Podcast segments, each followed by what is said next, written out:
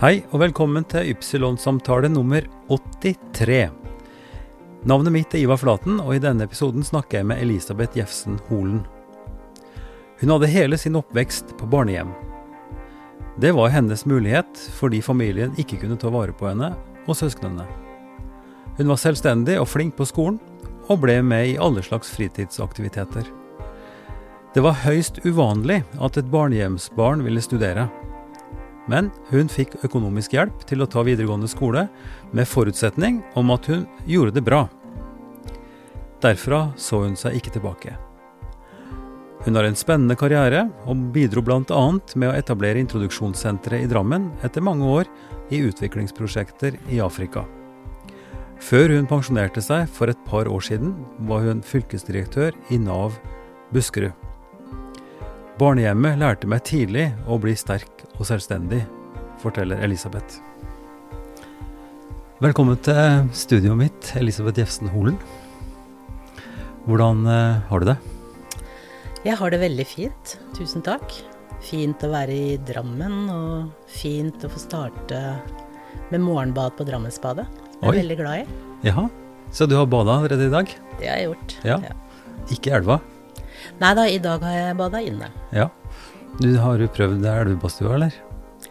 Ja, det har jeg gjort, men jeg er jo helårsbader eh, der hvor jeg bor fast, i Nevlunghavn. Ja, Så jeg er vant til det. nettopp. Hva er, hva er greia med å bade når det er så kaldt? Det er veldig friskt. Det er jo eh, Det er som jeg sier, hvis du eh, har planer om å rydde loftet en dag, mm. så er det lurt å gå og ta seg et bad, for du får enormt med energi, altså. Ja, det er sånn vel. energikick. Endorfin, endorfinproduksjon? Ja. Ja. Eh, Vi ble kjent med hverandre litt i et prosjekt som starta i må det ha vært i 2015 kanskje, eller der omkring. Mhm. Eh, Internasjonale Drammen. Da hadde du ansvar for en stor etat eh, i Nav. Eh, Hva var grunnen til at du syntes det var ok å være med på det prosjektet, Internasjonale Drammen? Jeg har alltid syntes eh, det har vært interessant å jobbe med innvandrere. Og jeg har alltid syntes det har vært interessant å mm, bli kjent med mennesker fra andre kulturer. Mm. Helt fra jeg Ja, egentlig alltid. Men jeg har jo studert sosialantropologi. Og jobbet i mange afrikanske land. Mm. Pluss at jeg har jobbet med integrering her i Norge, da. Mm. ulike nivå. Så det var en, en forlengelse av et engasjement som du allerede hadde? Ja, det var eh, Jeg jobbet jo med innvandrere da jeg var med på å bygge opp introduksjonssenteret i Drammen. Mm. Og jobbet med Da var Drammen en eh, forsøkskommune i forhold til å utvikle introduksjonsprogram om norskopplæring Mm. for eh, innvandrere. Når omtrent var det? Det var fra 2003. Ja. Og så starta vi vel på ordentlig i 2004. Mm. Mm. Så du har en, en lang historie. Vi skal komme tilbake litt til det med engasjementet ditt internasjonalt. eh, Ikke minst, syns jeg er interessant. Men, men Nav, eh, det har jo blitt, eh, det har blitt et sånn ordtak. altså Det er jo språklig interessant også, det å nave. Det har fått, har hatt, og jeg vet ikke i hvor stor grad det har det fortsatt, men det er en slags, er en slags sånn negativ eh, konnotasjon og følelse rundt, rundt Nav. Hva, hva er Nav for noe, Elisabeth? Nav er jo en eh, gigantisk organisasjon hvor man slo sammen både A-etat, Trygdeetaten og sosialkontorene. Mm. Uh, og det er et partnerskap mellom kommune og stat som Mm. gjør det til en ganske kompleks organisasjon. Mm. Eh, og jeg hadde jo tidligere erfaring fra A-etat, Ja. eh, som jeg tok med meg da jeg, før jeg ble fylkesdirektør i Nav. Mm. Men altså, det er jo noe av det som har vært spørsmåla, spørsmålet, eller kanskje reaksjonen også, at det nettopp, nettopp var så stort. Altså ambisjonen var å få til noe som skulle henge sammen. Det minner meg litt om sånne svære datasystemer. Jeg har jobba litt i databransjen, og, og den ambisjonen om å få til et totalsystem som skal liksom løse alt. Um, det, blir, det blir ofte skjæring på forskjellige, og kanskje noen overraskende steder også, fordi at en ikke har forutsett alle disse småbitene som skal passe sammen, og som skal produsere det endelige resultatet. Og det er kanskje noe sånt i Nav også. At det, at det er en sånn svær maskin som skal fikse alt, på en måte, og dermed skal noe til å få til å funke ordentlig. Ja, det tror jeg du har rett i. Altså Tanken og ideen bak Nav var jo veldig fin. At Mm. man skulle ha én dør inn eh, for alle som trengte hjelp av ulik slag. At man skulle slippe å gå mellom A-etat, trygdekontor og sosialkontoret. Mm. For det ble ofte en sånn fram og tilbakegang for mange. Mm. Så tanken var veldig god. Mm. Og jeg kan huske også at det var eh, partipolitisk enighet om den organisasjonen. Selvfølgelig så hadde man eh, ideer om litt forskjellige varianter, hvor man kanskje ikke koblet kommune og stat. Man hadde stat for seg og kommune for seg. Mm. Men ellers stor enighet. Men eh, det blir komplisert, og det er jo tunge organisasjoner i seg selv. Så når man har alle de samlet, så ja, Mm. så blir det mange menneskeskjebner som eh, Ja, som eh, ofte kommer fram i media, ikke sant, og som eh, blir eh, tunge historier både for de som jobber der, men også de som eh, er en del av systemet, som er avhengig av systemene. Mm. Ja. Nei, det kan jeg godt skjønne. Men jeg har lyst til å si litt om, si litt mer om det prosjektet som også var en sånn ganske stor ambisjon om å få både tiltaksapparat og næringsliv og organisasjoner til å jobbe sammen for nettopp det formålet. og å få flere mennesker i jobb. Altså tanken til Terje Stykke, som i utgangspunktet sammen med noen andre av oss eh, hadde lyst til å gjøre det, eh, var en følelse av at det er litt for mange eh, innvandrere prosentvis som er utenfor jobb, enn vi som har bodd her lenger. Og at det må kunne gå an å gjøre noe med det og dra dette i en riktig retning. Og, det var, og det var jo liksom visjonen der, at, at hva skal til da for å kunne jobbe enda smartere sammen? Eh, ikke bare med Nav, men også Nav i forhold til næringsliv. Men dette var jo ikke noe nytt. Dette har jo dere òg altså i Nav-systemet jobba med mye før. Hva, hva, hva var det som skjedde, som, syns du? Hva var styrken ved det prosjektet som nå, som nå ikke lenger funker? da, eller det, Nå er det mer drift, men, men hva var grunnen til at du syntes det var morsomt å være med på? Som direktør for, for Nav? Som du sier, så har det jo vært mange integreringsprosjekter og mange gode prosjekter. Men det som var virkelig nytt og virkelig positivt med dette prosjektet, var jo at det var, det var næringslivet og organisasjonslivet som sto i spissen. Mm. Eh, og vanligvis er det jo det offentlige som gjør det. Og det at næringslivet så tungt var med på å dra lasset og bidra med å legge til rette for at folk kunne komme ut i arbeid, det var en stor styrke. Og det ga gode resultater. Mm. Og fint samarbeid også, syns jeg. Ja, det syns jeg virkelig. Det var, det var, en, eh, det var fint. Og, og talla som Dette er jo statistikk som dere til en stor grad har oversikt over. Eh, faktisk så lykkes vi ganske bra gjennom de fire-fem årene vi holdt på. Vi, jeg har lyst til at vi skal ta mm, et ganske langt sprang tilbake, for jeg spør jo, som du sikkert har hørt på disse episodene, så er jeg nysgjerrig på hvor folk kommer fra og, og bakgrunn og sånn. Eh, og du har jo vært åpen, Elisabeth, for at din start i livet ikke var helt ukomplisert. Jeg vet ikke om det er noen som har en ukomplisert start, ja, men, men din var relativt, eh, relativt dramatisk, kanskje, sånn som du har fortalt om det i, som, i, i en bok som jeg har lest, blant annet. Kan ikke du si litt om, om hvordan, det var, hvordan det var for deg fra, fra starten av? Jo, jeg hadde nok en litt annerledes bakgrunn uh, enn mange, i og med at jeg uh, hele oppveksten bodde på barnehjem. Mm. Så jeg bodde jo på barnehjem fra jeg var halvannet halvannen til jeg var 19 og et halvt. 18 år. 18 år barnehjem. Hele oppveksten, faktisk.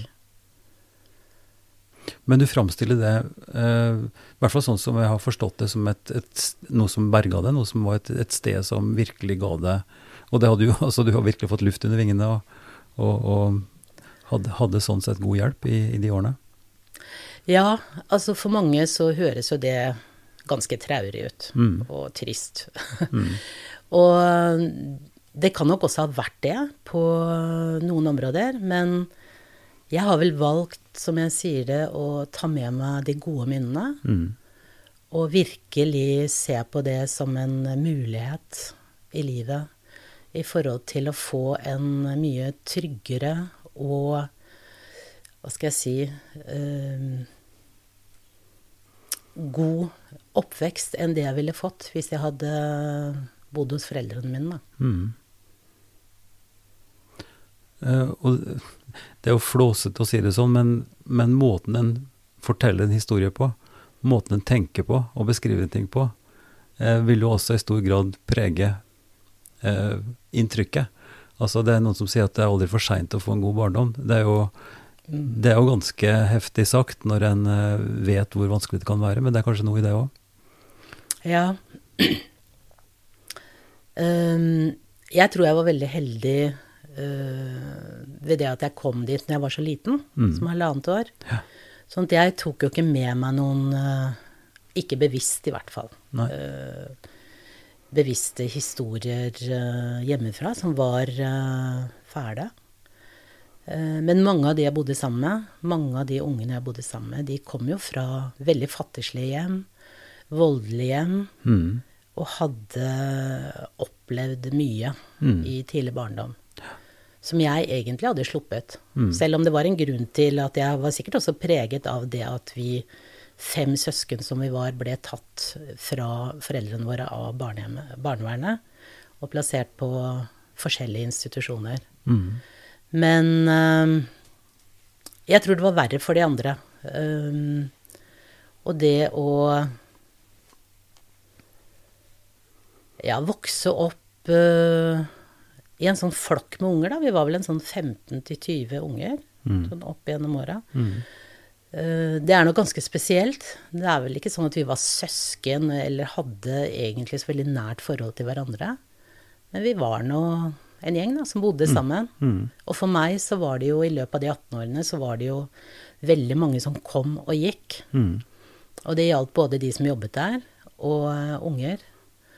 Ehm, og det rare var jo at de aller, aller fleste, uansett hvor tøff bakgrunn de kom fra, så ville alle aller helst hjem Ja. til foreldrene sine igjen. Ja. Mm. Og mange kom jo fram og tilbake, ikke sant, og var der i kortere og lengre perioder, da. Mm. Men jeg tror eh, ganske tidlig at jeg eh, aller helst ville være der, i til i stedet for å være hjemme. Selv om der ville jeg hatt uh, veldig frie tøyler, kunne gjøre mer hva jeg ville, Mm.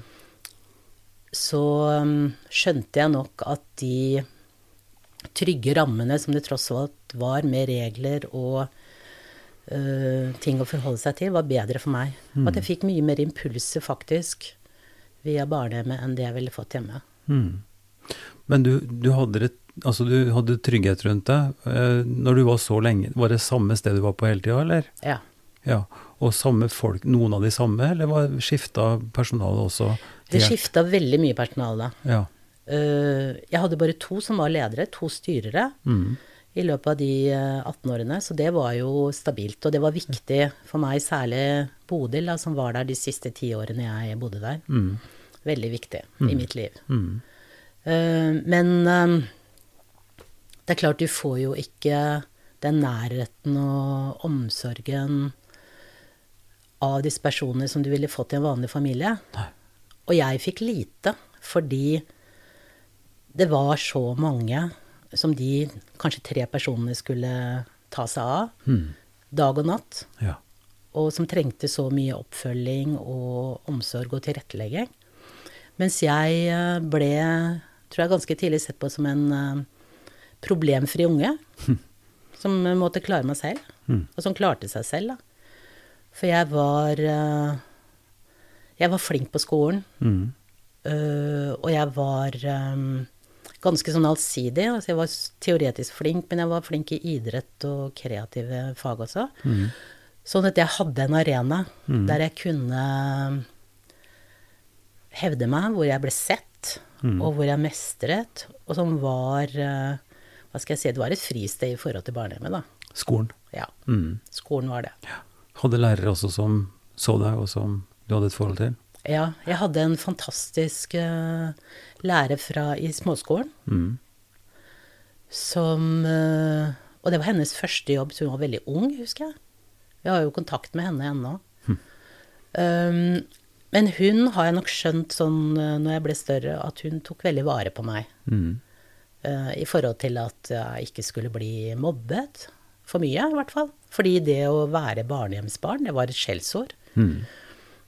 Og um, vi ble jo møtt med det. Men det er klart, hvis du kunne hevde deg på andre måter, så kompenserte det jo litt, da. Mm. Uh, og jeg opplevde lite av det i forhold til veldig mange av de andre som jeg bodde sammen med. Mm. Hvordan møtte du det? Altså når du For du, du ble kalt saker og ting som Ja. barnehjem, barnehjemsbarn, og når du kompenserte, eller på en måte fant trygghet i skole, så var det fordi at du var det fordi du, gikk- du klarte å la være å bry deg, eller banka du de, eller hva, hva skjedde? Nei, jeg banka det ikke. Jeg syntes det var veldig sårt. Ja. Så jeg møtte det nok litt sånn forsvarsløs for så vidt. Men eh, jeg kompenserte heller ved at jeg var flink. Mm. Sånn at eh, Det hjelper jo det, altså. Mm. Hvis du i tillegg til at du er barnehjemsbarn og kommer fra veldig vanskelige forhold, sånn at du egentlig ikke har fått noe særlig stimuli i forhold til å utvikle deg på skolen og utvikle deg på andre måter, Mm. så er du en taper på veldig mange områder. Mm. Mens jeg hadde jo en del områder jeg kunne hevde meg på. Mm. Og så var jeg, i og med at jeg eh, mestra en del ting, så selv om jeg ikke fikk eh, Jeg fikk jo aldri noe hjelp hjemme. Det var aldri noen som hørte meg lekser.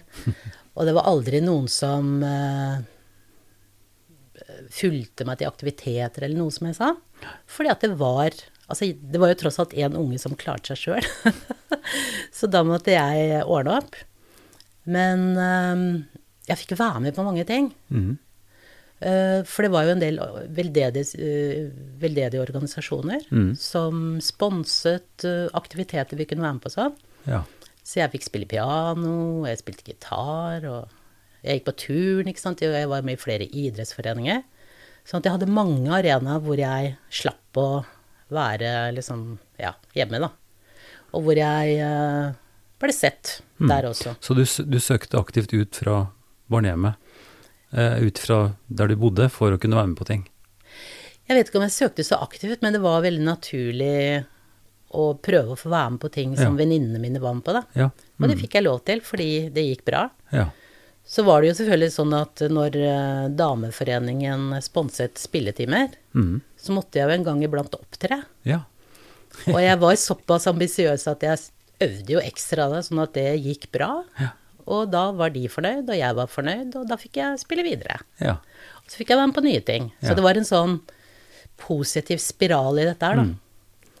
De praktiske forholdene på, på barnehjemmet der du bodde, eh, er det sånn som en husker fra, ser fra Annie, og altså disse store salene, og altså at du blir ganske eksponert, eller du, var det mindre rom, fikk du bo sammen med noen få, eller hvordan var det? Det var litt begge deler. Fordi vi hadde De fleste måtte jo sove på sovesaler. Mm. Og da hadde vi småsalen, mellomsalen og storsalen. Blå senger først, og så bare grønne, og så bare gule. Jaha. Og færre og færre senger for så vidt, da, etter jo større du blei. Men det var eh, mange som eh, sov der. Og jeg kom, som jeg sier, heldigvis ikke lenger enn til mellomsalen.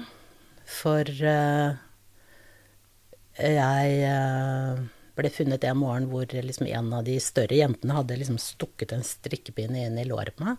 Oi. Og um, som selvfølgelig gjorde fryktelig vondt. Jeg kan huske det veldig godt. Og da var det sikkert fordi det var eh, en uoverenskomst, hun var misunnelig på et eller annet. Men um, det jeg husker best ved det, var jo at jeg da fikk eget rom. Ja. Så det var eh, Hvor gammel omtrent var du da? Da var jeg nok en 10-11 år. Ja. Ja. Da fikk jeg eget rom, Ja. og det var jo fantastisk, med nøkkel. Ja. Og det var et veldig fint rom, hvor jeg kunne sitte i fred og gjøre lekser. Kunne lese, og var veldig glad i å lese. Leke med mine ting. Jeg kunne ha venninner på besøk. Mm. Og jeg jeg hadde liksom egen vask til og med, sånn at jeg var veldig, veldig selvstendig inne på det rommet. ja. Så det var et skifte. Og var det unikt, eller var det flere som hadde muligheten? Det var bare to sånne rom, Ja. husker jeg. Og det var en av de guttene som var, begynte å bli Ja, han var vel kanskje et par år yngre enn meg, så han var vel ikke så veldig stor. Men eh, det var den gangen også sånn at det var veldig forskjell på å opptre gutter og jenter, altså. Låpe, dra. Som Ja. vi den gangen syntes var også urettferdige. Fortell. Nei, altså Hvorfor skulle han ha det fordi han var gutt? Han var jo en av de få guttene, da. Og, ehm, og vi syntes jo alltid at han fikk eh, slippe unna ting som han hadde vært med på av ugagn, mye lettere enn oss. Men det sa vi fra om. Ja. Så ehm, vi hadde liksom det derre sånn intuitivt. Det skulle være mer likestilling, altså. Ganske tøft eh, tross alt, da. Altså det å, å skulle klare seg i en sånn setting. Eh, vi, har, vi har vel både sett film og lest om, om kostskoler. Altså det engelske systemet hvor ekstremt brutalt det kan være med sånne hakkekyllinger og, og, og sjefer som, ja, som er lenger opp i hierarkiet og sånn. Er, var sånne mekanismer også i gang? Sånn som du kan se tilbake på det i, i din oppvekst der? Uh, ja. Det var nok noen som uh, alltid var synderne. Og som kanskje ble det før man egentlig var helt sikker på om det stemte. Så det var mange sånne oppgjør og mange konflikter. Eh, Mellom dere barna? ja, det kunne være, men jeg var Jeg tror nok jeg var uh, Snek meg mye unna det. Mhm. Og jeg var veldig fornøyd med å som regel ikke være involvert. Mm. I hvert fall når man ble tatt. Og det ble, det var alltid rettssaker, kan du si sånn, i anførselstegn uh, over bordet. Når ting uh, var blitt gjort, og man skulle finne ut av hvem som var synderen. Mm. Eh, Men jeg, jeg var nok eh, Jeg holdt meg litt tilbake. Jeg var ikke noe sånn som likte å slåss. Det var mye slåssing og mye kamper, mm. selvfølgelig. Mange som eh, var veldig utagerende, altså. Mm. Så jeg prøvde jo heller å trekke meg unna, og før jeg fikk eget rom, så hadde jeg jo liksom mine kroker i kjeller og på loft hvor jeg fant et sted hvor jeg kunne være i fri og ro og lese og leke for meg sjøl. Mm. Veldig mye. Mm. Eh, Når du leste, var glad i å lese og flink på skolen og sånn, hadde du noen ideer da allerede hva du ønska å, å gjøre når du ble større? Absolutt. Og jeg hørte jo, altså og Jeg husker også vi hørte på Barnetimen. Mm. For de store, da, det var jo stort hver lørdag. Da fikk vi i Barnetimen godt og en bitte liten brus, ikke sant. Og, og det står veldig sterkt for meg. For jeg skulle selvfølgelig bli misjonær, som Albert Schweitzer. Ja. Jeg skulle bli detektiv, som Nancy Drew. ja.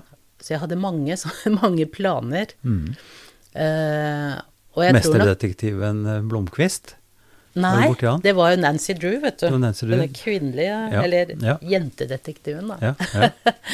Som Men jeg husker også veldig godt eh, Barnetimen var Ja. Det var liksom helt Og hvis, hvis tidspunktet der ble Altså hvis du ikke fikk, fikk med deg Barnetimen, så var det tilnærma krise. Jeg Ja. husker vi fikk eh, eh, Altså, vi er omtrent like gamle, tror jeg. Er vi det? Jeg er født i 55. 54. Ja, ikke sant? Mm. Ja. Så det betyr at vi har samme forholdet til, til media og til Barnetimen og til det som skjedde. Men jeg husker veldig godt en gang vi satt og skulle høre på Barnetimen, og så kom det besøk. Eh, og da var det jo det var langveisbuss det var mm, fettere og kusiner som kom liksom fra Valdres og sånn, så det var så jeg skjønte jo at eh, det var litt unntak, men jeg husker Og, og når radioen ble slått av da, liksom sånn som ingenting, bare fordi disse folka kom, det var krise, altså. Ja. Ja, det var krise, for det var jo ingen reprise, Nei. som nå. Nei, nei, nei. Nå er det jo masse repriser. Og jeg husker hvor levende det var. Jeg kan huske særlig den Mio min Mio. Å ja. Og den husker jeg så godt, og så skummel. Mm. Og jeg hadde bestemt meg for jeg skulle ikke høre siste episode, for det syns jeg turte jeg ikke, liksom. Mm. Det gjorde jo det selvfølgelig allikevel, da. Mm. Og det var altså Ja, vi satt musestille da, hele den gjengen, Ja. og hørte. Mm. Det var flott, da. Mm, visst. Men lesing også har jo noe av den samme effekten. Ja. Når du er glad i å lese, at du kan forsvinne inn i, Mm. I En helt- helt andre virkeligheter, på en måte.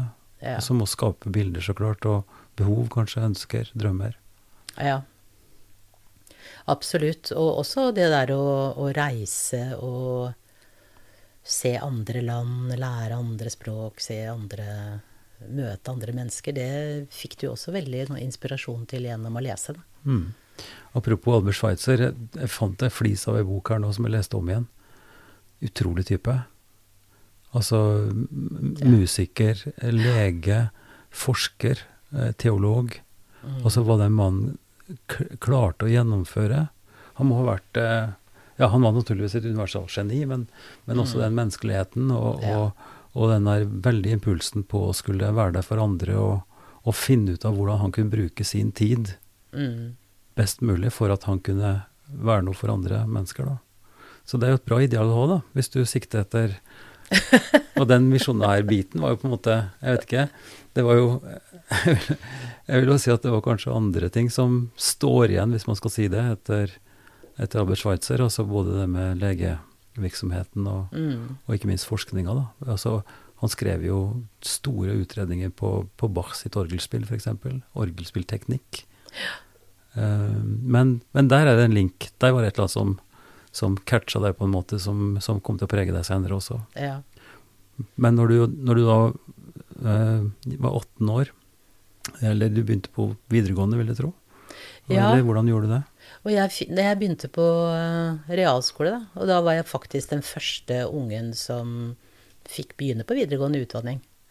Fordi den gangen var det jo realskole og framhaldsskole. Mm. Og det var jo aldri snakk om at Eh, de som bodde på barnehjem, skulle noe annet sted enn på framhaldsskole. Det var jo en mer praktisk utdanning. Mm. Men jeg gikk jo ut med veldig gode karakterer. Og var jo veldig glad i å, å, å lese og gå på skole. Sånn at uh, Bodil hun jobbet veldig for å skaffe penger for at jeg skulle få fortsette den veien, da. For det mm. var ikke noe budsjett for det den gangen. Nei. I dag er det jo uhørt at en som virkelig vil gå på skole, ikke får gå på skole. Og nå er det jo obligatorisk, ikke sant. Mm. Men um, skolen kostet ikke, men bøker kostet. Mm. Så da fikk jeg det. Da, men jeg fikk også samtidig beskjed om at uh, gode karakterer, hvis ikke så er det rett ut. Stempla på en måte sett på forhånd på, som en slags risiko å ha på skolen, eller? Nei, jeg tror ikke det. Men det var mer det at uh, det var folk som da ville etterspørre hvordan det gikk, ikke sant. De som hadde sponsa det? Ja. Var det personer, eller var det organisasjoner? Nei da, det var, uh, det var nok en av myndighetene.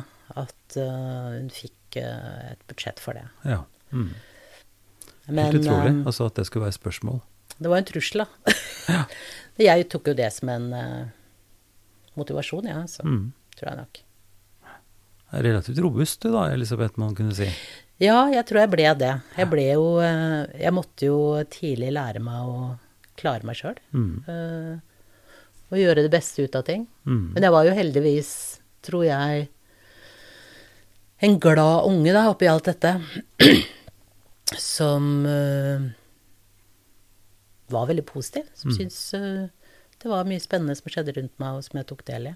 Ja. Og jeg tok ikke så veldig det, det som var mindre bra innover meg. Nei. Det er jo andre som har sagt til meg at nei, du kan ikke være så fornøyd, altså, for husker ikke du liksom ja. Men det er ting som jeg har uh, fortenkt, helt sikkert. Mm.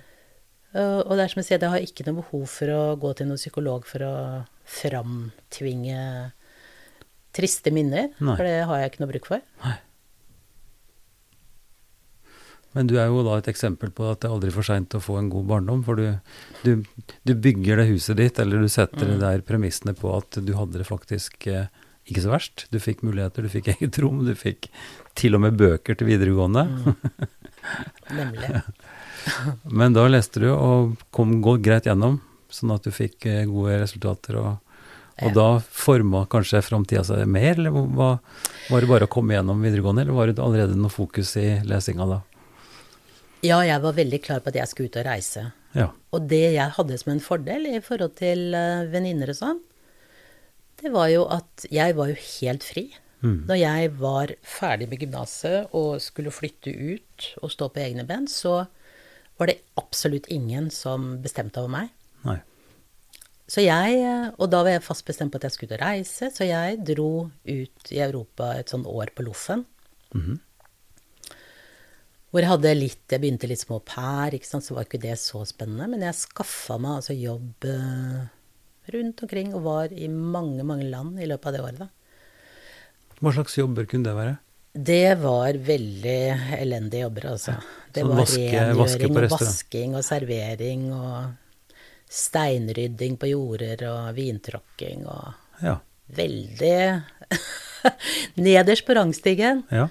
Men målet mitt var jo eh, ikke den jobben, målet var jo å, eh, å få reist og opplevd og lære språk. for praktisert språk. Jeg var veldig interessert i språk.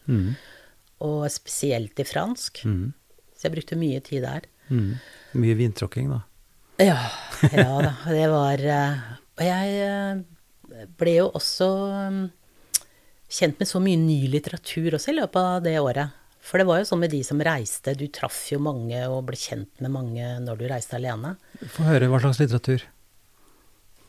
Litteratur som, eh, som ikke jeg var kjent med fra Norge, liksom. Men på andre språk, og, og som var spennende litteratur, altså. Men du måtte jo ha så mye fransk da, for å kunne lese nyere fransk litteratur? Eller Ja da, jeg, lærte, jeg leste ikke så mye på fransk da, men jeg leste Engelsk. mest kanskje på engelsk. engelsk og Men jeg snakka en god del fransk allerede da. Ja. Kom liksom over noen barrierer Mm. som la et grunnlag. Og jeg bestemte meg når jeg var ferdig med det året, så så var jeg i hvert fall fast bestemt på at jeg skulle ikke ha sånne jobber resten av livet. Mm. Så jeg skulle studere videre. Mm. Og det hadde jeg for så vidt tenkt før jeg dro også. Men da var jeg veldig motivert Ja. for å begynne å studere. For du måtte, du måtte virkelig slite for de penga da? Ja, ja, jeg måtte jobbe. Jeg hadde ingen penger. Eh, Bodde på, på, på gårder også? Bodde, hvordan fikk du overnattinger? Ja, bodde Mat? veldig billig på private rom, og um, det fant man alltid overalt. Ja.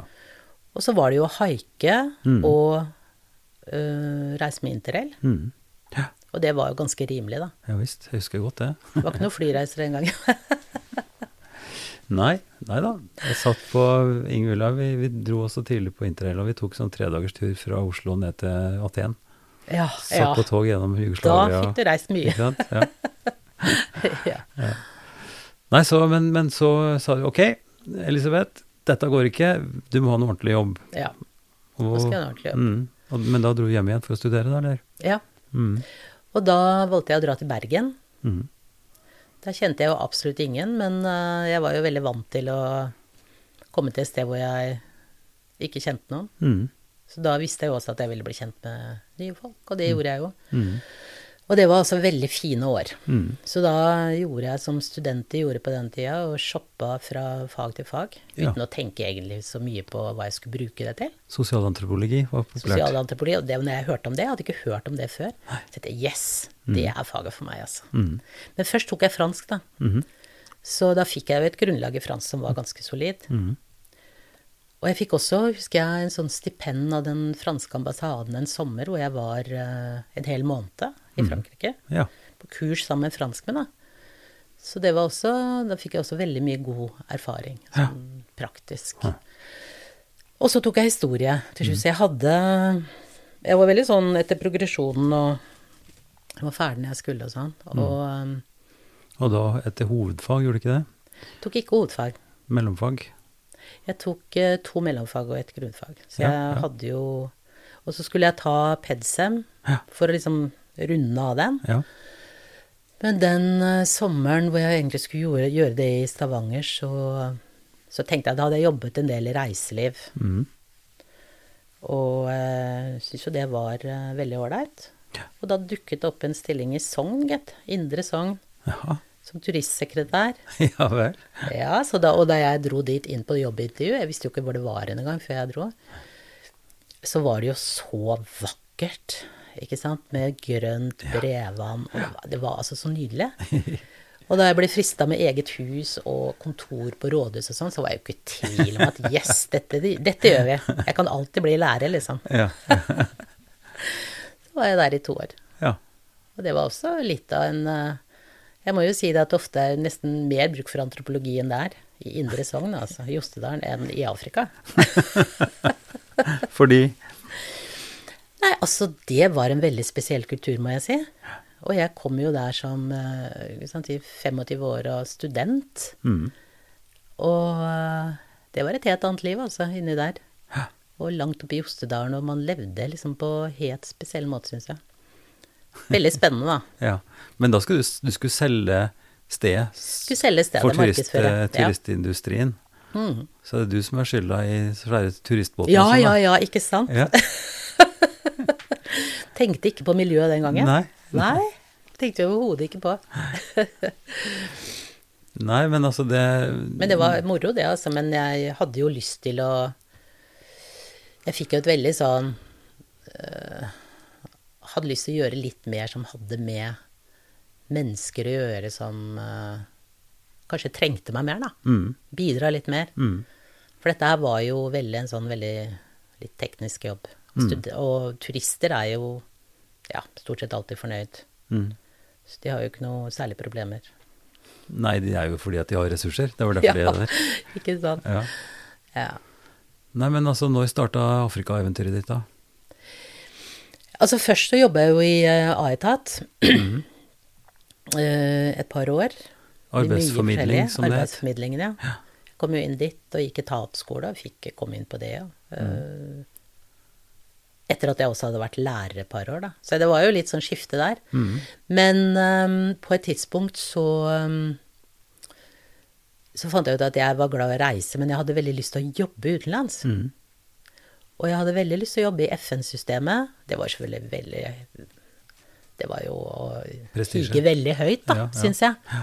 Eller eh, alternativt en privat eh, bedrift. Mm. Og da lagde jeg meg rett og slett en femårsplan, Mhm.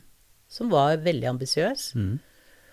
Og hvor uh, jeg også la om hele livet mitt, altså på alt jeg hadde av interesser, og hva jeg skulle liksom Fortell, Hvordan jeg hva skulle skjedde? innrette Ja, nei, altså Da var jeg jo fremdeles i A-etat, men jeg var veldig nøye på hva jeg tok på meg av prosjekter som kunne være greit å ha på CV-en i forhold til noe sånt, da. Ja. Og um, Uh, var tillitsvalgt, ikke sant. For jeg tenkte også at det kunne være smart å tenke på ILO, så var det en internasjonale arbeidsorganisasjon. Mhm. Og gikk på sånn avansert franskkurs ved ambassaden i Oslo for å lære meg økonomisk, politisk fransk. Og uh, søkte Nordisk råds stipend og var i Danmark en stund. Så jeg, det var altså veldig sånn Veldig Jeg tenkte vær gjerrig med hva du bruker tida di til. Ja. Mm. Hvis du skal nå de måla, da. ja. Så den femårsplanen gikk ut på å kvalifisere deg for Ja. noe større. ja. Og, ja, for det, og jeg hadde lest en sånn bok som het The Magic of Thinking Big. Kult. Det er sånne sjølhjelpsbøker. Det er ikke så dumme. Det, nei, det er ikke så dumme når det gjaldt akkurat det der. Altså Hvis du har litt uh, tæl og litt trøkk i pedalen sjøl, så er det utrolig å få Ja. med deg av sånne bøker også. Det er sant.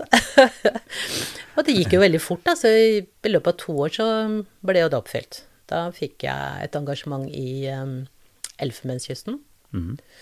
Hvor jeg skulle jobbe med et sånt uh, regionalt prosjekt som handlet om lederopplæring i kooperativer. Eh, Norad eller FN? Nei, det var i FN. I Ja, ILO. ILO. Internasjonal arbeidsorganisasjon. Ja, ja. Det var jo liksom det jeg hadde satsa på. Det Ja. var jo Jeg var veldig fornøyd da, gitt. Mm. Må jeg si. Elfenbenskysten, det er fransk. Det er fransk. Mm. Så det var fransk og engelsktalende land. Mhm. 50-50, hvor jeg skulle da Da hadde jeg liksom et program. Jeg visste ikke hva et kooperativ var før jeg kom dit omtrent. Men det tenkte jeg at det fikk jeg bare lære meg. Har ikke handla på stammeklaget, altså. Jeg har aldri tenkt på det som et kooperativ da, men det var jo mange sånne, og det var jordbrukskooperativer, og det var fiskekooperativer, og kvinnekooperativer, og veldig mange forskjellige kooperativer. Mm. Og Ikke noe spesiell link til Sovjet eller Russland der, eller? det hadde nok vært det også tidligere, men det var link til det nordiske systemet, Ja. med samvirke, Ja. ja. Mm. særlig. ja. Men også Tyskland og England, så det var jo mange som drev med kooperativer, faktisk. Mhm. Og um, Kommunister hele bunten, altså? Hæ? Kommunister hele bunten, sier jeg. Ja, det kan du si. Nei, for det er jo et sånt Det er jo, Det er jo det, et samvirke. Det er jo et utgangspunkt. Altså, vi har nettopp sett ferdig nå Weissensee, eh, en serie som handler om øst, altså DDR. Ja, ja, ja, jeg har sett til- det. det er fantastisk. Ja, Ja. ikke sant? Men, men eh, vi, vi har jo så mye venner der, som vi ble kjent med etter hvert, som opplevde overgangen fra de store kooperativene, ja. store fellesbruka, til, til at de ble kjøpt opp og, ikke sant, av eh, vestlig kapital. Og, altså Det er ganske mange dramatiske historier, men, men poenget mitt er å bare si at, at det med, med kooperativer, felles land, eh, felles innsats for altså hvor det står sammen, da, jobber veldig tett sammen for økonomiske mål og, og sånt, det, Mm. det er veldig interessant. Ja. Eh, men eh, naturligvis ikke ikke, ikke kommunistisk, men, men sosialt, da. Altså Veldig en type sosialt, ja, ja, ja. fellesskapstenkning som, som er, ligger i bånn der. Ja. Mm. Så jobben min gikk jo ut på i disse landene her å um, alliere meg med en samarbeidspartner som jeg har i, gjerne i kooperativdepartementet i landet. Mhm. Som da var nasjonal, ikke sant? Og som eh, jeg sendte til Europa for å få opplæring i prosjektet. Og så jobbet vi sammen om å drive ut, altså rett og slett utdanning, Mm. eh, for ledere Mm. i kooperativer. Og da var det, det var et veldig bra prosjekt, altså, hvor vi eh, skulle tilpasse dette prosjektet til lokale forhold. Mm. Oversette til lokalt språk. Mhm. Og eh, så gjorde vi det gjennom flere ukers eh, opplæring ute i bushen, da. Mm. Det var jo virkelig ute i bushen, altså. Mm. Ja. Eh, og det holdt du på med en stund, men, men du kom også inn i Rwanda. Ja. Nå har jeg ikke greie helt på, på rekkefølge og sånt, nå, men du, du var engasjert i Afrika lenge? ja. Ikke Nei, jeg var bare et år i Rwanda, men jeg var også i Mosambik. Ja. Mm. Etter at uh, Først var jeg nå her, og så var jeg også i Sahel-området. Så det var i veldig mange land. Tolv land i Vest-Afrika. Mm. Og uh, i Mosambik. Mm.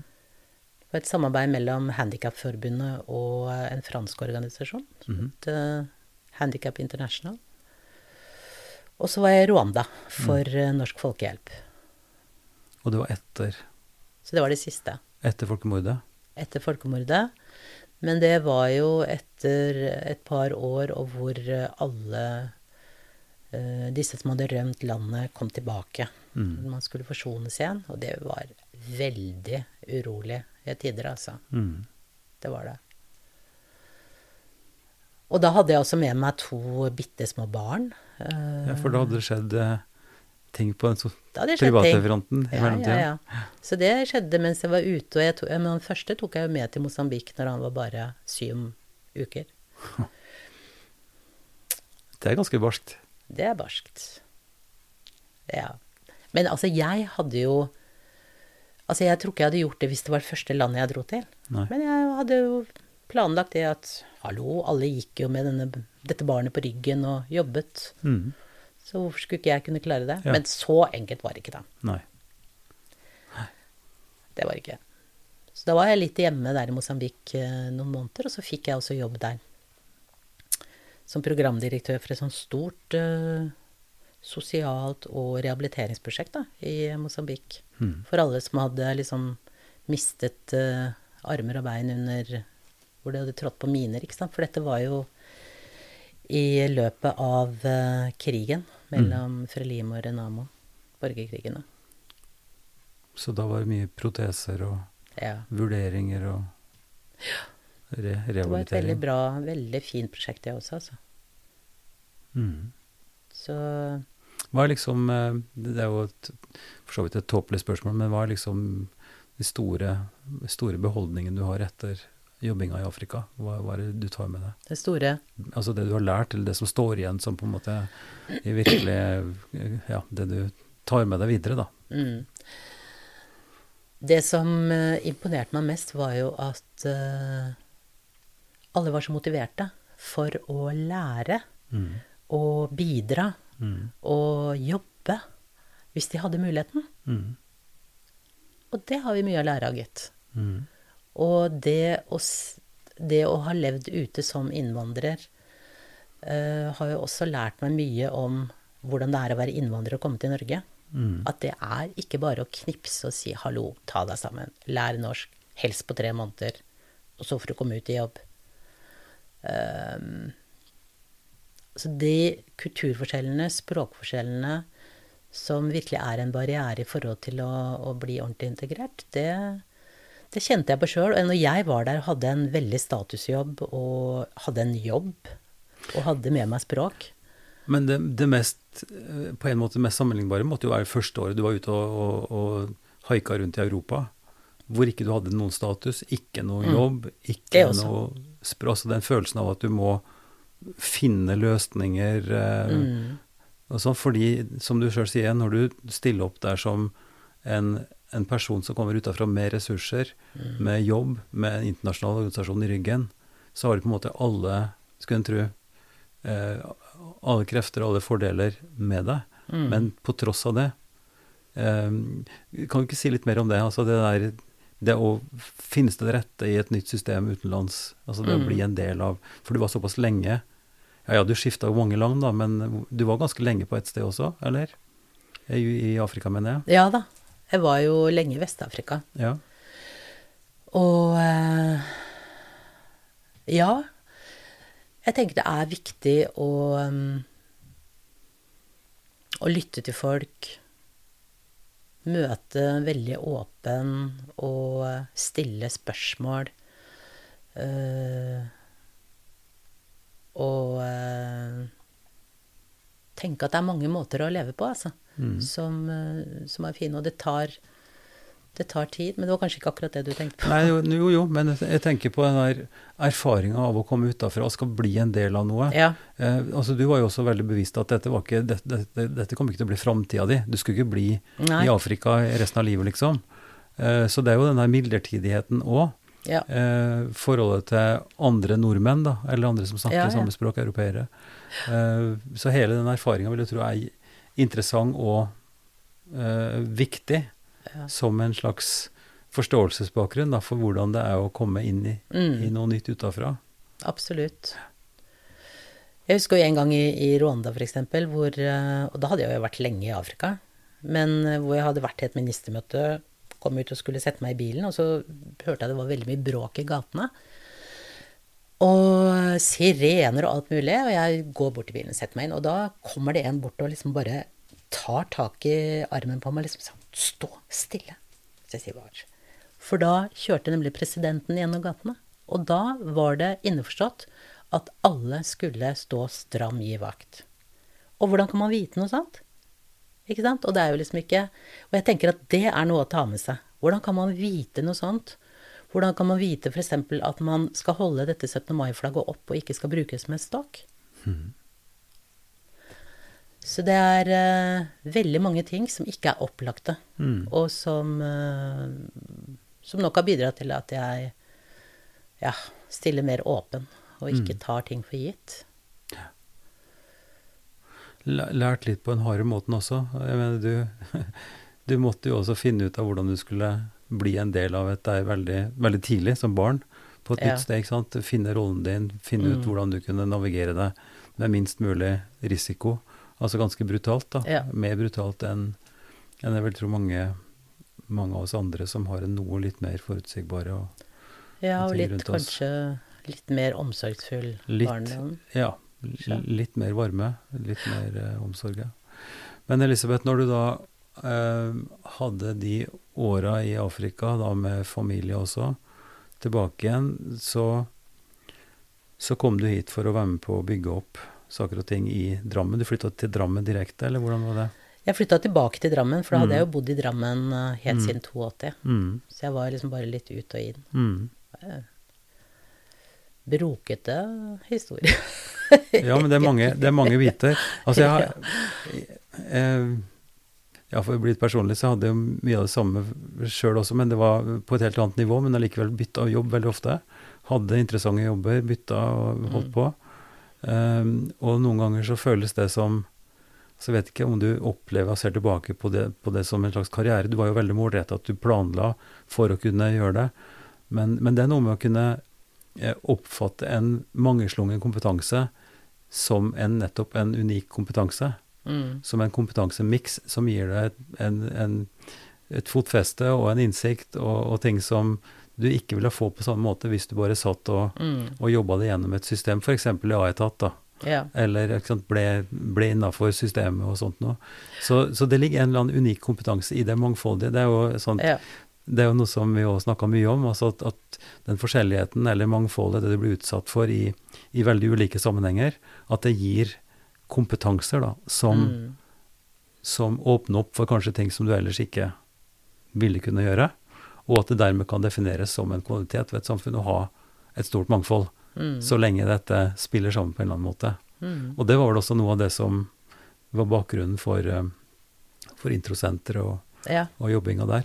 Kanskje du skal si litt om det, hvordan, eh, hvordan dette var? Du var med å, å testa ut og bygde ja opp? da, hun var med og testa ut og bygde opp og lagde dette programmet, da. Gjennom eh, et års jobbing, i hvert fall. Mm. I samarbeid med IMDi, Integrerings- og mangfoldsdirektoratet. Mm. Og eh, senere så jobbet jeg jo også et par år i uh, IMDi Mm. med akkurat dette med introduksjonsprogram og norskprogram over hele landet, kan du si. Mm. Så jeg jobbet mye med det før jeg kom over i Nav igjen. Mm. Eh, så eh, Så det er klart at det å ha en så grundig opplæring både i språk og at det er arbeidsretta, f.eks., Mm. eh, og at du får praksis og ikke vente for lenge, og ikke bare gå på skole, men liksom også er ute i praksis og får prøvd deg, da. Sånn som vi også hadde i Internasjonal Drammen. Mm. Det er eh, utrolig viktig for det å få seg jobb, kunne bli økonomisk selvstendig, og ha den stoltheten også i forhold til landet du har kommet til, at du betaler skatt, og du betaler for deg, og, er, og viser på den måten òg en takknemlighet for at du har fått kommet hit, ikke sant. Mm. Det er veldig viktig for alle. Og alle er motivert De aller, aller fleste er motivert for det. Men så er det ikke så lett for alle. Nei. Hva, hva, hva var grunnsteinene i introduksjonsprogrammet, vil du si? Hva var liksom det som dere prøvde å skru sammen der, og, og hvordan, eh, hvordan syns du det lykkes? Altså Nøkkel til integrering er jo språk. Mm. Og så er det to hovedveier, og det er jo utdanning. Særlig for de som er yngre. da, Utdanning eller arbeid. Mm. For de som har eh, noe utdanning fra før. For det var jo også veldig mange som hadde. Men kanskje du også må ha noe opplæring før du går ut i, i, i jobb. Og så var det dette med samfunnskunnskap om Norge. Mm. Så du slipper, så du vet litt mer om hvordan du skal oppføre deg. Mm. Noe som ikke er gitt, da. Um, altså det, jeg syns det var et veldig bra program. Og så er det jo noe med at uh, de første årene så fikk vi jo masse ressurser Mm. til å gjøre spennende ting. Mm. Og gjøre veldig mye bra også. Og mange gode prosjekter. Som vi hadde også i Drammen, altså. Mm. Men um, så har det kanskje blitt litt mindre ressurser etter hvert, for da er det andre ting som, uh, som blir viktige, som man heller fokuserer på. Mm. Men så har man jo tatt den med seg også inn i, i Nav, da. Mm. Jeg vil jo si det. Så det å komme i arbeid og, og komme seg videre øh, og bli økonomisk uavhengig, det er utrolig viktig som voksen. Mm. Og så er det ikke alle som får det til så lett. Så man må være Altså, jeg tror at den bakgrunnen min har gjort meg mer romslig i møte med uh, mennesker som ikke er A4, da Mm. for å si det sånn. Uh, og at uh, det er ikke bare å knipse og si 'ta deg sammen'. Nei. Bli ferdig med utdanninga di. Kom deg ut i jobb. Mm. Eh, så mange trenger mye tid og mye assistanse og veiledning på veien. Altså. Mm. Jeg har jo mange venner i, som har gjennomgått systemet der, og, og som har erfaringer med, med kortere eller lengre tid eh, før de klarte å komme i jobb. Men Ja. de fleste eh, De fleste tenker nok at, at det har en slags parallell parallellitet der. At en kan komme seg ut og, og, å begynne å jobbe Ja. tidlig. Eh, Lære språken kom- gjennom praksis. Så nå, jeg vet ikke hvordan det var til å begynne med, men, men at de nå har eh, en språksekvens eller en skolebit til å begynne med, og så i størst mulig grad er ute i praksis da, Ja. eh, resten av dagen. Og at du kombinerer språkopplæringa med praksisen, er også Mm. veldig viktig. Og det også utvikla vi i noe som vi kalte for arbeidsnorsk. Mm. Jeg syns det var veldig bra. Mm. Hvor du tenker bransjespråk, ikke sant. Mm, ja. Hvis du da jobber ute i et gartneri, ikke sant, Mm. så er det veldig mye du kan lære om akkurat det du skal gjøre der. Oppgaven du skal gjøre, produktene du har med å gjøre. Ja. Som eh, er meningsfylt. Og sånn var det jo for meg faktisk når jeg begynte min første jobb også. Jeg trodde jo jeg var ganske god i fransk, og hadde jo kommet gjennom nåløyene i forhold til å komme dit. Men Mm. jeg opplevde jo når jeg kom dit ned at Hæ? Altså, det bransjespråket Mm. som var innenfor eh, ILO og innenfor uh, kooperativbevegelsen. Ja. Det var jo så ukjent, så måtte man lære seg det. Ja. Og sånn er det jo egentlig i Norge også, at du må lære deg et fagspråk. Men er ikke det helt uh, gjennomgående uh, i alle slags jobber? Alle slags, du kan ta en utdanning, altså dess breiere, dess bedre, vil jeg si, Mm. uh, og, og, og, og, skaffe deg et grunnlag som er ganske allment. Men så er det jo først når du kommer i jobb, at ting begynner å skje. Mm. For da må du finne ut av det. ikke sant? Og det er ganske spesifikt ofte, både med språk og med ferdigheter og trening og sånt noe. Ja. Så den der tanken på at du skal gå liksom x antall år på skole, og så bare bang er du operativ, det stemmer jo ikke helt. Nei, og derfor er det viktig i forhold til innvandrere også. Mm. At ikke ren norskopplæring, men at den må være relatert til Mm. det du driver med, da. Uh, vi må begynne å runde av snart, den timen går fryktelig fort. Men, uh, men jeg har lyst til at du skal reflektere litt rundt det som, det som vi starta litt med? Det, med, det med Nav som en slags eh, eh, skjellsordkategori. Altså det med, med samfunnet, med omsorgsopplegget. Eh, du, du skal yte etter evne, og så skal du få etter behov. Den tanken på at Nav-systemet er blitt en sånn enorm sånn putesyingsinstitusjon, hvor, hvor liksom folk bare går og får penger. Eh, altså, og, og det, er jo et, det, det er jo også et dilemma i det, ikke sant? Fordi eh, hvis du må, så må du. Hvis du kan klare å klare deg med litt mindre, så må du klare deg med litt mindre. Altså Forholdet mellom de forskjellige nivåene sier at Drammen er en, en, familie, en by hvor vi har veldig mye eh, fattigdom, barnefattigdom f.eks. Mm. Um, de dilemmaene der, det må du ha tenkt ganske mye på. Nå er det jo er det et år siden, eller hvor lenge siden du pensjonerte deg? par år siden. Par år siden, Mm. ikke sant? Så du, men du har jo ikke sluttet å tenke for det, vil jeg tro. Og, eh, og du har erfaringer, så Ja. sånn litt med bakspeilet, hva, hva kan Nav bli? Snakker vi borgerlønn etter hvert? Altså hva, hvordan skal vi tenke? Hva, hva vil du si om disse store dilemmaene? Det er et veldig stort spørsmål, dette her. Jeg vet. Jeg må jo si, jeg har jo lyst til å si det at uh, det er jo ikke bare å gå og få penger på Nav. Og det har blitt ganske strengt. Det var Mm. ganske strengt under min tid mm. uh, i forhold til å kreve Mm. at du var aktiv. Mm. I forhold til å gå inn i en retning enten mot videre utdanning, opplæring eller arbeid. Mm. For alle. Fra ungdom til voksne. Ehm, og, eh, og det syns jeg er riktig. Samtidig som det er, eh, det er vanskelig å lage opplæringsløp som passer alle, da. Så det å ha den individuelle tilknytninga Mm.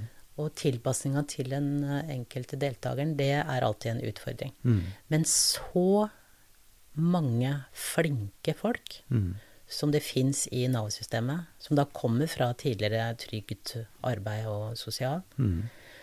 det drukner litt i all den eh, hva skal jeg si, kritikken som har vært retta mot Nav. Mm. For det er utrolig mange flinke folk, og som virkelig med hele seg ønsker å gjøre det beste Mm, for de mm. som kommer, og virkelig prøver å følge opp på best mulig måte. Ja.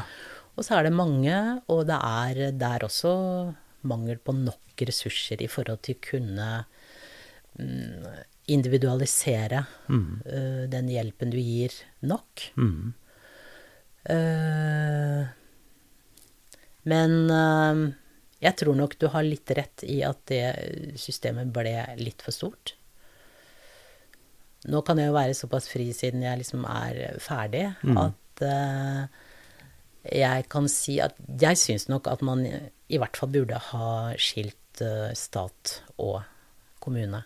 Mm. Så rett og slett hatt sosial uh, styrelsen for seg og arbeid trygd samla. Mm. Jeg tror kanskje det hadde vært en Og det var jo også en retning man anbefalte. Mm. Um, jeg tror det kanskje hadde vært enklere. For det er ganske stor forskjell fra sosialkontoret, som på en måte er den siste skansen, hvor Mm. uh, det er med nødhjelp, ikke Ja, sant? ja. Og eh, hvor det er enda lengre vei til både utdanning og jobb Mm. enn det det er på eh, den statlige siden, da, med arbeid. Men jeg syns det er riktig at uh, altså man må gjøre en stor innsats for å hjelpe folk å komme ut i utdanning og arbeid. Mm. Det syns jeg er kjempeviktig. Mm. Men um, der er det mye mer å gjøre. Mm. Og uh, man har i hvert fall ikke kommet i mål ennå i forhold til å finne gode nok løsninger på det, altså. Nei, og det der er jo en pågående prosess. Eh, Ja. Politisk, administrativt, eh, ressursfordeling, ressursbruk, Mm. som, eh, som vi ikke slipper unna uansett. Altså vi må finne ut av det. Og det er store, det er store problemstillinger som vi må møte. Nå, nå snakker vi jo mye om klima, fordi eh, møtet i Glasgow pågår jo. Når den Mm. episoden her sendes, så, så er jo det over. Men, men eh, den ligger jo der, ikke sant. Og, og hele migrasjonsproblematikken med flyktninger, det som også er en del av, av voksenopplæringssenteret, eller det som det Ja, ja. het introsenteret før. Og hele den, det ønsket og den ambisjonen om å få flest mulig inn i, i, eh, i samfunnet, i, inn i arbeid og, og sånt, er jo noe som vi er opptatt av, tror jeg. Eh, samtlige på hver måte. På, på hvilken måte eh, er du aktiv på det nå, i, mens du er pensjonist? Jeg vet du, du har det veldig fint i Nevlunghavn, og, Ja og, Ja. og, og, nyte sånn sett eh, pensjonsalder. Men, eh, men det er også en interessant utkikkspost. Eh, Mm. Det er et gammelt in- indianervisdomsord som sier at en bruker liksom de ja, de første du, du, du må vel kanskje bli 25-30 før du er voksen, og så prøver å finne ut hva du skal i livet til du er sånn 60-70. Og når du, når du har, har nådd pensjonsalder, så kan du sitte og være litt klok og gi råd. Så Ja. hva, hva bruker du tida di til på, sånn, på, på fritid ellers? Nei, altså jeg må jo innrømme at jeg Altså jeg er veldig glad i eh, friluftsliv og aktiviteter og bruker en del tid, faktisk, Mm. på både det, være mye ute og eh, ja, være aktiv, holde meg i form, Mm. syns jeg er viktig. Mm. Og også det å ta opp interesser som jeg ikke har fått tid til å drive med på mange, mange år. Hæ? Men utover det så er jeg jo med i en del organisasjonsliv og driver en del eh, frivillig arbeid og dugnader gjennom Rotary og styrer jeg er med i. Ja. Og rett og slett der nede også så er det veldig mye som er basert på dugnader hvor man hjelper hverandre Mm. til å få ting til. Mm. Så um, Du sitter ikke jeg, må, jeg sitter ikke og kjeder meg, nei. Elisabeth, det har vært en fornøyelse. Takk for at du brukte tid her, og lykke til med alt det du står i, både i fritid og i, med lesing og turer og alt. Takk skal du ha. Takk skal du ha. Takk for at du lyttet til Ypsilon-samtaler, podkasten fra Kirkelig dialogsenter i Drammen. Vi gir normalt ut nye episoder hver torsdag, og du kan lytte til samtlige episoder ved å gå inn på ypsilonsamtaler.no. Vi er veldig glad for inspirasjon og tilbakemeldinger, og gjerne forslag til folk som du tenker vi kan snakke med. Podkasten er støtta av Drammen kommune, av Barne- og familiedepartementet og av Einar Juels legat. Velkommen til tilbakemeldinger som du kan sende til Ivar. Krøllalfa kirkeligdialogsenter.no. Vi høres.